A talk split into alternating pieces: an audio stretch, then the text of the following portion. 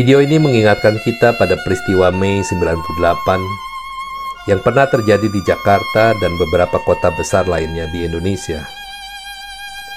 Siapa menyangka jika sekarang hal serupa bisa terjadi di negara seperti Amerika Serikat?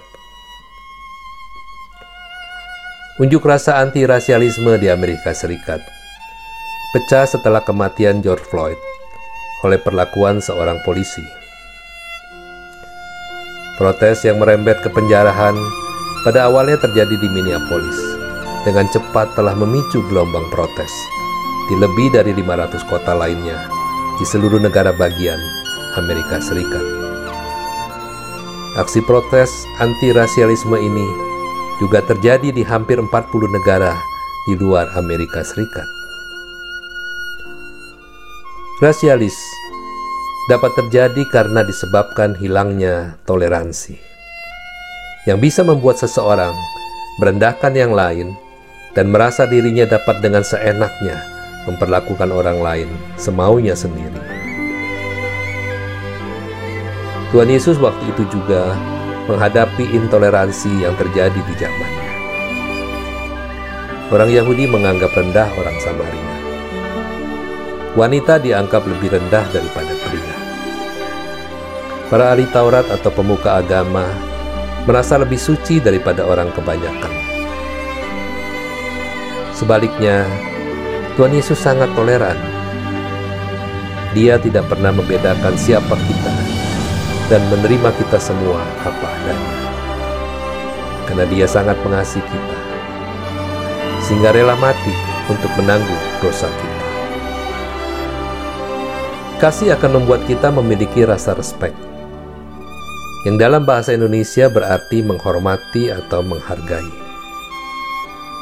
Kasih juga membuat kita tidak egois dan tidak sombong, tapi rendah hati, seperti tertulis dalam Filipi 2 ayat 3. Dengan tidak mencari kepentingan sendiri atau puji-pujian yang sia-sia, sebaliknya hendaklah dengan rendah hati yang seseorang menganggap yang lain lebih utama daripada dirinya.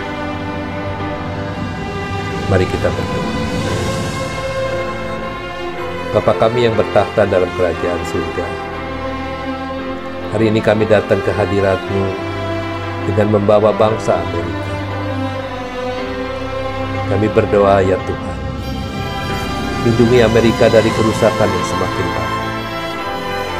Lindungi rakyat Amerika dari roh anarkis, dan kami mohon roh kudus menguasai situasi dan melepaskan damai sejahtera melingkupi hati setiap rakyat Amerika.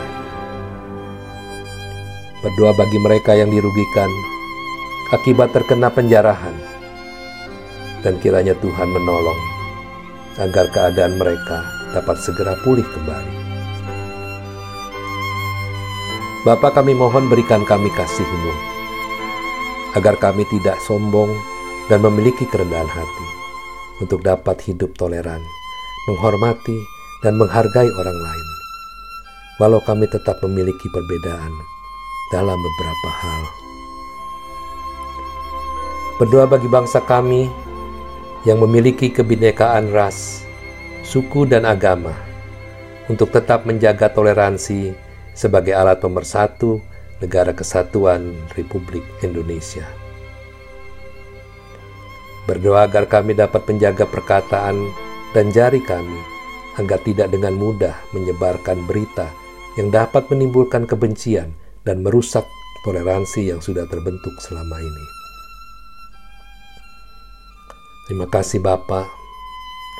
Inilah doa dan permohonan kami. Dengarkanlah dan kabulkanlah seturut dengan kehendakmu.